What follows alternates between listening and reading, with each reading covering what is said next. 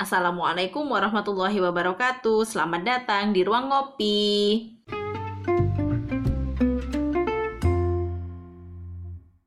Oke, halo teman-teman semuanya. Kembali lagi bersama kita berdua, Aska dan Arum di Ruang Ngopi episode 32.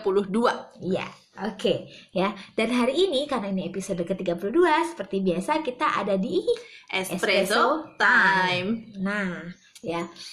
Kalau di Espresso Time itu kan kita seperti biasa ya, ya, selalu Yap. membahas hal yang mungkin berbeda dari eh, topik-topik eh, di tiga episode sebelumnya gitu kan ya. Mm-mm. kita kali ini ya di espresso time kali ini kita Mhm. akan membahas sesuatu yang mungkin bisa dibilang kita banget Ya, ya. betul betul. Kenapa kita banget? Karena kita akan membahas Mm-mm. tentang Yogyakarta. Yaps. Oke. Betul Nah, sekali. Ya.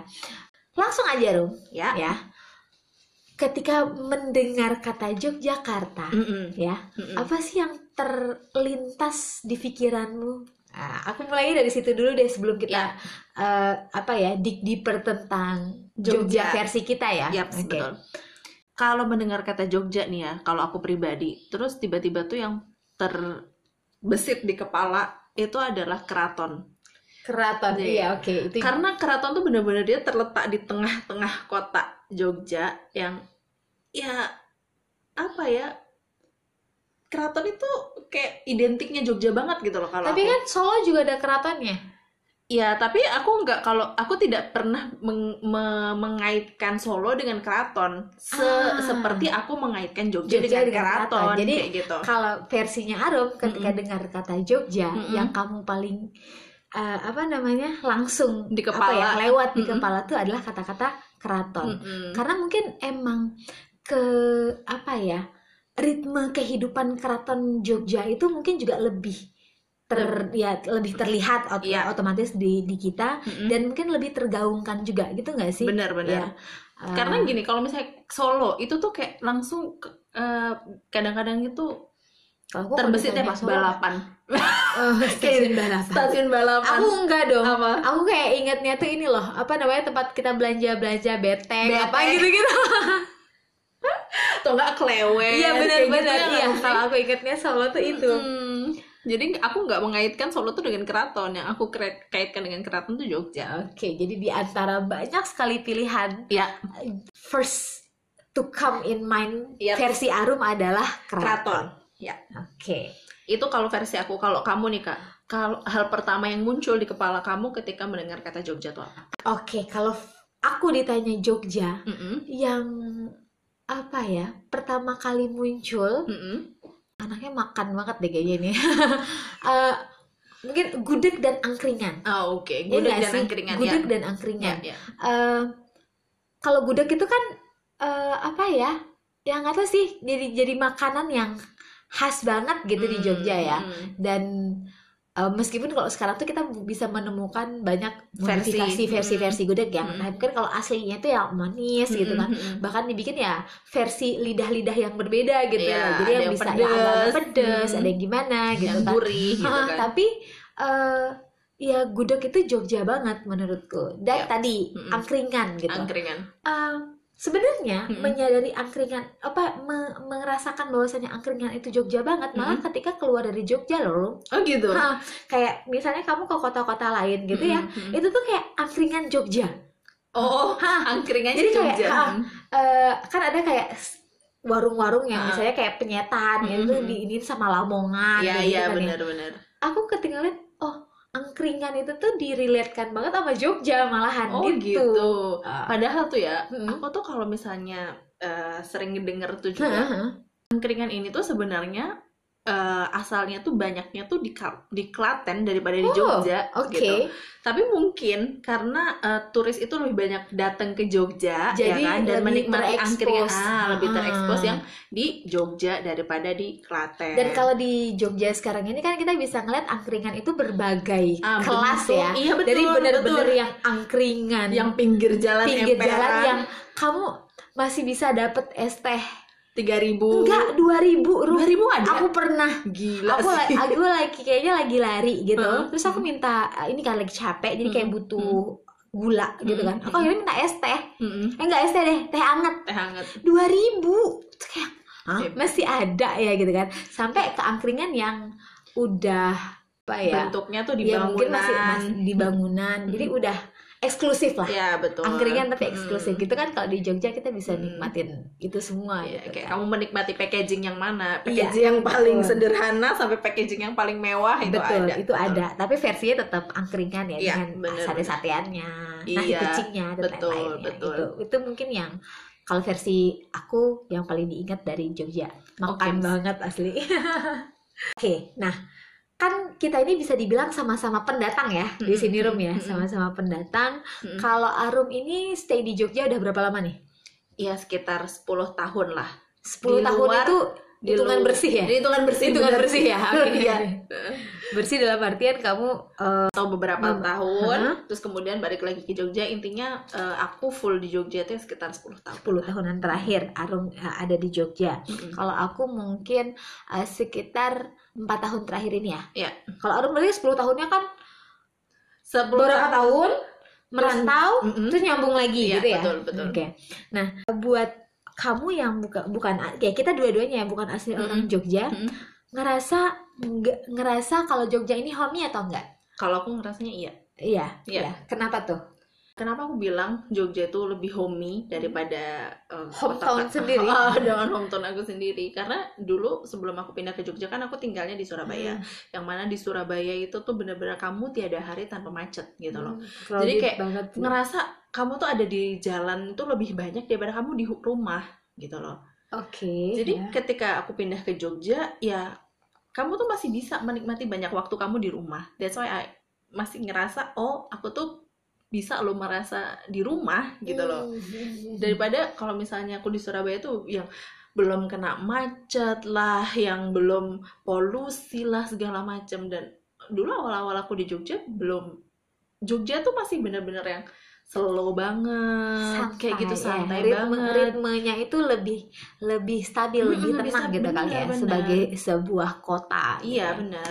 oke nah eh, sama sih aku juga meskipun maksudnya kan merantau ya ke sini Mm-mm, mm-mm. tapi aku ngerasa juga Jogja itu homey banget nah tapi kalau ditanya Mm-mm, apa aja mm-mm. apa aja sih yang bikin Jogja tuh homey banget buat kamu buat mungkin buat kamu ataupun mungkin kita semua bisa relate sama itu gitu yang bikin Oh, Jogja tuh homey banget sih buat perantau buat kita yang ngerantau itu versinya Arum apa versi aku. Mm.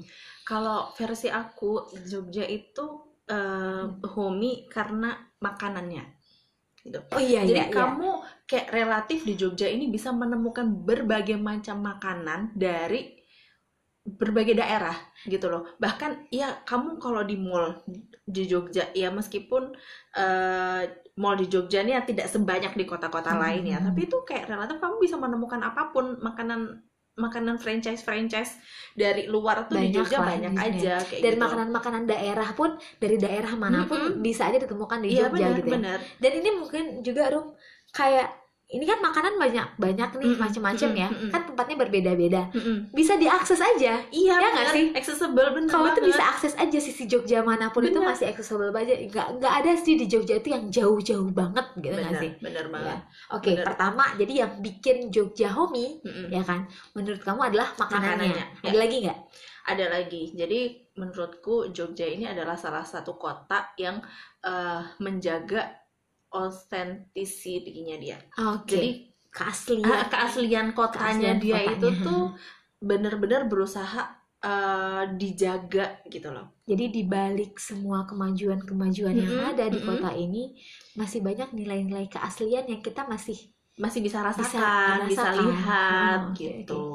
Jadi ya Iya, kamu tinggal di Jogja ya memang kamu merasa kanan kiri kamu tuh ya udah Jogja gitu loh. Bukan kayak kamu di Jogja tapi kamu ngerasanya tinggal di kota lain. Kan Oke, ada juga oke. yang Iya, kayak iya, gitu benar, kan. Nah, makanya tapi kalau menurutku di Jogja ini kamu tinggal di Jogja ya kamu bener-bener ngerasa oh ini tuh Jogja gitu. Jogja itu punya vibe-nya Mm-mm, sendiri gitu ya bener, apa bener. ya rasanya sendiri Bener, gitu ya bener, oke kayak oke gitu. bener-bener setuju setuju banget Mm-mm. Terus ada lagi sih satu hal yang uh, menurutku tuh uh, Jogja tuh menjadi tempat yang Tempat yang homey. yang rumah banget rumah gitu. banget gitu. Karena menurutku Jogja ini itu kotanya tuh hidup gitu loh. Ngerti gak sih? Jadi kayak semacam eh, komunitas-komunitas di Jogja itu tuh kan banyak banget kan di mana-mana di sebenarnya mana-mana banyak, ya ada. komunitas Mm-mm, ya tapi kayak di Jogja tuh kamu kayak di daerah-daerah terpencil pun komunitas-komunitas di sana itu tuh yang apa ya hidup gitu loh. Banyak banyak maksudnya di situ tuh orang-orang tuh bener-bener yang apa mengusahakan bersama. Mengusahakan uh, hal ini itu selalu berkembang atau Mhm. setidaknya mereka punya pertemuan lah mungkin atau kayak apa. gini juga ya salah satunya Rum kalau kita eh, dari perspektif kita bisa lihat yang paling mudah banget adalah gerakan-gerakan masjid ah, itu bener. banyak yang dimulainya dari Jogja gitu kan ya Benar, salah satunya kayak Jogokarya ya gitu kan ya. bener, itu kan bener. bener-bener jadi bisa dibilang Ikonik. jadi ikonnya gerakan Hmm. masjid benar benar yang masjidnya sih dilihat dari luar nggak yang semewah Benar, semegah benar. itu tapi hidupnya tuh banget Iya, pun di gitu. luar masjid juga ada kali ya banyak ya organisasi-organisasi lain Iya, iya. ya pun kayak Muhammadiyah apa semuanya ya iya, itu iya. hidup banget ya ya base nya dong Iya, di, di betul. Jogja oke jadi eh, menurut Arum Mm-mm. kenapa Jogja tuh jadi rumah banget gitu Mm-mm. kan ya karena apa ya jiwa-jiwanya rumah tuh ada di Jogja betul betul pertama dari makanannya, makanannya yang kedua dari tempatnya tempatnya Mm-mm. jadi kayak eh, budayanya masih kejaga Mm, gitu ya. benar. Ah, dan yang ketiga adalah karena apa ya kotanya itu tuh ada.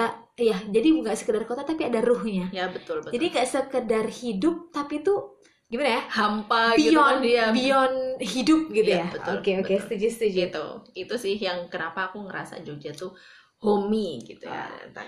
Lumayan. Filosofis loh. Filosofis banget ya. Bener-bener. gitu. Itu kalau aku nih ya kalau Hmm. kamu nih kak sebagai pendatang yang belum lama Nggak nih ya, lama ya di belum Jogja. lama di Jogja tuh apa sih yang kemudian membuat kamu tuh ngerasa Jogja tuh homey iya kalau aku pribadi Mm-mm, aku ngerasa Jogja ini homey mm-mm. karena meskipun aku baru ke Jogja, maksudnya aku baru tinggal di Jogja ya. Kalau Mm-mm. tinggal eh, dalam artian tinggal yang nggak cuma bolak-balik bentar-bentar doang gitu kan ya. Mm-mm, Eh, aku baru tinggal mungkin 4 tahunan terakhir, Rum. Cuma aku udah mengenal dan aku udah akrab banget sama kata Jogja itu. Kayak aku dari kecil banget. Tahu nggak Ah, kenapa? kenapa Karena papa sama mamaku Dulu. ketemunya di sini, di kota ini. Eh, salah satu eh, apa namanya penganut Jogja in love ya Iya, bener-bener bener. kayak apa sih lovebird in Jogja gitu loh Iya. yang love made in Jogja Iya betul banget. Jadi ceritanya lagi kuliah dua-duanya Hmm. ketemu jatuh cinta, pulang dinikahin, balik ke sini Ah, lagi. baik, kayak gitu waktu itu. Jadi kayak baik. dari kecil-kecil itu kita udah udah kan aku orang Sumatera ya. Ah, Ya papa mama aku tuh tau nggak dulu waktu kecil-kecil mm, eh, kita enggak kita kecil-kecil waktu kita ya kita masih kecil itu mm, kalau lagi ngomelin bukan lagi ngomelin kayak lagi ngegibahin Hmm. anak-anaknya Hmm. tau nggak pakai bahasa apa bahasa bahasa Jawa. Jawa karena mereka dua-duanya belajar di Jogja Ya, dulu jadi kayak ya bisa bahasa ber- Jawanya. oh, jadi kayak Hmm. kayak ngegibahin kita di depan kita pakai bahasa Jawa gitu loh berencana mengikuti jejak papa mama nggak eh olah Eh, itu pertama kan jadi kayak meskipun aku baru di Jogja Mm-mm. tapi kota ini tuh udah aku udah akrab, Akrab banget gitu. dengan dengan eh, cerita-cerita di kota Ah, ini dari bener-bener. kecil gitu Bener-bener. dan jadi benar-benar ngerasa Jogja tuh something yang familiar Iya gitu. familiar gitu. Pun eh, masih ada keluarga-keluarga juga di sini Mm-mm. dan aku mungkin tadi mirip sama Arum bilang pertama kali sih ya. Mm-mm. eh, Jogja itu jadi homey banget Mm-mm. karena mungkin dari bagaimana keadaan di Jogja dan Mm-mm. keadaan di tempatku Mm-mm. itu ada hal-hal yang gak jauh berbeda. oh gitu Iya. Mm-mm. Sama tadi itu seperti kayak kehidupan yang kehidupannya tuh lebih ramah. ah, Ya sih? Jogja ini kan kota ya. bener Mm-mm. Kebanyakan kota, eh, especially kota-kota besar ataupun kota-kota yang jadi tujuan Mm-mm. kedatangan orang Hmm. gitu kan ya, itu tuh biasanya tuh aku nggak, ini perspektifku sih ya, Mm-mm. kayak ada kota-kota yang arogan, Ah. ya, entah itu Gimana dari tuh arogan tuh? bangunan, Ah. bangunan-bangunannya, Mm-mm. entah dari bagaimana ritme kehidupan orang-orangnya Ah, Bener, gitu ya. Eh, aku nggak bilang kota mana pun sih, tapi kita kadang-kadang ada, Ada. ngerasa ketika kita datang ke suatu tempat, ih ini kota kayak yang nggak Eh, ramah banget eh, eh, gitu ya gitu kan. tiba-tiba bikin insecure gitu "Hmm, kan benar gitu. Jadi kayak entah yang kotanya entah terlalu sibuk, entah Hmm. terlalu gimana Hmm. gitu kan. Eh, tapi kalau Jogja itu menurutku tuh nggak gitu Hmm. ya tadi mungkin ya itu eh, sama ya kayak ritmenya lebih stabil jadi kayak kita tuh ya feeling home aja kita nggak teras ngerasa diburu-buru apa gimana itu Yes. sih kalau versi aku kenapa Jogja jadi homey Oke. oke nah udah ya dua Ya. pertanyaan pertanyaan terakhir nih Ro Oke. Ya. Apa itu? kamu udah lama di Jogja nih ya Yap. pasti udah banyak dong tempat-tempat yang kamu udah datangi Yap. ya Tentunya. pertanyaannya Mm-mm. oke jadi eh, apa tempat Mm-mm. ya di antara tempat-tempat yang ada nih di Jogja Mm-mm. macam-macam banget Mm-mm. ya bahkan destinasi orang wisata dan lain-lainnya Mm-mm. gitu kan di antara tempat-tempat yang ada di Jogja Mm-mm. apa tempat yang kamu belum dan pengen datengin sebenarnya Ah, oke oke. Kalau aku pribadi, eh mungkin ini tuh agak aneh ya. Orang-orang tuh mungkin agak aneh gitu loh ngedengar kalau aku nyebutin tempat ini karena oke tempat ini tuh sebenarnya de- deketan aja gitu loh sama destinasi-destinasi yang sering dikunjungin orang. Hmm, Ya nggak sih? Karena tempatnya tuh bener-bener ya kayak di Malioboro, ya kan? Tempatnya tuh Di sentral di situ kan. Pasti kamu kalau ke Malioboro tuh ya, kalau nggak ke alun-alun, ke keraton ya kan, terus ke Taman Taman Sari lah Sari, segala ya, macem. daerah- Tapi tempat ini tuh selalu ke skip gitu loh. apaan tuh Tahu nggak tempatnya apa namanya? Namanya Museum Sasono Budoyo. oh iya oke Iya nggak sih? Itu adalah aku nggak ngerti kenapa aku tuh sudah yang lewat yang namanya kamu lewat Malioboro terus kamu mau ke keraton pasti akan lewat itu namanya Museum Sasono Budaya. Tapi itu adalah satu-satunya tempat di sekitaran itu yang belum pernah aku kunjungin. Jadi kamu penasaran Des- sebenarnya. destinasi wisata ya. Maksudnya destinasi yang di sekitar situ Iya. yang belum pernah kunjungin ya itu Jadi, Museum Sasono Budaya. semua kawasan di Malioboro ya di luar kantor ini ya Mm-mm, gubernur mm-mm, apa kantor mm-mm. apa ya di situ? Gubernur apa ya? Iya Iya kan? ya itu kan nggak mungkin juga kan didatengin ya. Bener dari dari dari KM Agung nol, ya kan ya. KM nol. Alun-alun Mm, kantor pos uh, segala macam even bank BI apa semua itu kita kayak bisa ngelihat gitu tapi kayak di tengah-tengah itu ada satu tempat yang autentik banget sebenarnya. Iya tapi aku belum pernah ke situ. Tapi itu kan biasanya apa namanya kalau anak SD gitu ya Ah. kan ada studi tour ke situ. Kamu dulu waktu Enggak, enggak SD ada. enggak nggak ada aku studi tour ke situ bahkan aku udah pernah ke Taman Pintar. Ah. Taman Pintar itu kan baru ya tempatnya. Hmm. Benteng Vedeberg pernah ke museum situ pernah. Tapi aku belum pernah tuh yang namanya ke museum Sasono Budoyo itu kayak yang gimana? gitu loh. Orang-orang Jogja tuh pasti akan bilang lu gimana sih orang Jogja? gitu kan. Nggak nggak Oke, pernah oke, oke. tapi ya emang itu aku kayak merasa museum Sasono Budoyo itu adalah satu-satunya tempat yang belum pernah aku kunjungi dan aku pengen banget sebenarnya ke sana Iya. cuma ya sampai sekarang belum pernah Nanti ada kapan-kapan momennya. kita ke sana Iya, kalau betul. gitu ya. Oke. Karena wishlistnya Arum sebenarnya sederhana iya ternyata. cuma di situ doang loh Hmm. maksudnya kayak kamu tuh nggak perlu effort naik naik naik ke puncak becici lah atau apa yang jalannya ekstrim iya iya iya iya. ke Budoyo kan jalanan kota gitu Gak kayak yang harus ke ya daerah Kulon Progo Hmm, naik turun dulu gitu ya. Oke. Iya. Itu loh bis yang sampai sekarang mau bayangin puluhan tahun aku belum pernah ke sana. Besok aku temenin ya ke sana ya. Oke. Oke itu ya kalau versi aku tempat yang di Jogja ini yang belum Hmm. pernah aku kunjungin Museum Sasono Budoyo. Kalau kamu apa nih kak? Kalau aku mungkin eh, entah ya, entah ini agak mustahil apa gimana sebenarnya, tapi aku sebenarnya penasaran. Aku pengen ke mana coba? Ke mana emang? Ke puncak Gunung Merapi. Emang kamu mau nyari apa di puncak Gunung Merapi? Enggak sih, cuma gini loh. Eh, tinggal di Jogja, Mm-mm. Merapi ini kan lebih jadi kayak center, Iya. ya nggak sih? Mm-mm. Jadi center. Maksudnya kayak eh, untuk orang men- or- orang yang belajar utara selatan Iya, ya iya. ngalor ngidul semua Iya itu benar-benar. pasti dia belajarnya ngeliatnya Merapi dulu nih "Ah, ah, patokannya. patokannya Merapi Mm-mm. gitu kan ya. Dan aku tinggal di rumah Mm-mm. yang viewku itu adalah Merapi. Merapi. Terus aku kayak Tapi ngeliat dari jauh doang. ah, kayak setiap pagi kita Hmm. ngelihat Merapi Hmm. ataupun mungkin kadang-kadang kita ny- sampai ke Kaliurang terus Hmm. kita ngelihat Merapi seindah Iya itu. iya. Mm. Tapi kita cuma bisa ngelihat itu. Gitu Iya, kan? Itu kan ya Belum. Mm-mm. karena kayaknya dari, sejak 2000 udah ya 2010-an ya, ya lumayan lama ya setelah eh, eh, apa namanya Erupsi itu. erupsi yang terakhir itu yang yang parah Kudus itu kan udah bener-bener nggak nggak boleh ya. yang ditutup kan ya adalah harapan ya meskipun aku tidak nggak memaksakan iyalah kali memaksakan diri nggak boleh kan soalnya tapi kayak iya. penasaran aja gitu kan Iya. kalau kayak pantai eh, mungkin secara garis besar, Mm-mm. oke kita udah memilih ya pantai-pantai di antara pantai-pantai yang ada yang bagus-bagus udah Iya, pernah iya, datang benar, gitu kan ya. Atau uh, apa ya tempat-tempat bersejarah gitu banyak yang kita udah datengin. Tapi kalau kayak tau gak sih eh kamu ngeliatin tempat Mm-mm. itu, kamu ngeliat oh indah banget ya, oh cerah banget ya gitu Tapi kan ya. belum pernah ke sana. Tapi aku gak pernah ke sana gitu, Iya, jadi kayak penasaran aja. Ah, Oke oke. Eh, Bolehlah kapan-kapan direalisasikan. Iya semoga udah semoga erupsinya cepat berhenti ya kan jadi benar. kita bisa eh, apa namanya menikmati eh, puncaknya. Betul. Oke betul. Yap. ya so itu ya Ya. eh, obrolan kita hari ini Tentang jadi Jogja. mungkin eh, bisa dibilang apa ya obrolan kita hari ini adalah kenapa sih Jogja itu istimewa Iya. versi kita berdua Betul, gitu ya. betul, Oke. betul. Dan pasti juga teman-teman yang lain ya Mm. yang mendengarkan podcast ini juga mungkin Punya punya kenangan-kenangannya Hmm. sendiri ataupun versi-versinya sendiri tentang bagaimana sih dia menikmati ya Yogyakarta. Yogyakarta ini. Iya. So kalau kalian suka sama podcast ini, Jangan lupa di like dan di share ke teman-teman kalian supaya lebih banyak yang menikmati ruang ngopi. Iya. dan kalian juga bisa download semua episode-episode Ruang Ngopi Ya. yang lain supaya bisa didengarkan on On demand. demand. Oke, sekian dulu dari kita berdua. Ya. Akhir kata, Wassalamualaikum warahmatullahi wabarakatuh. bye Bye bye. bye.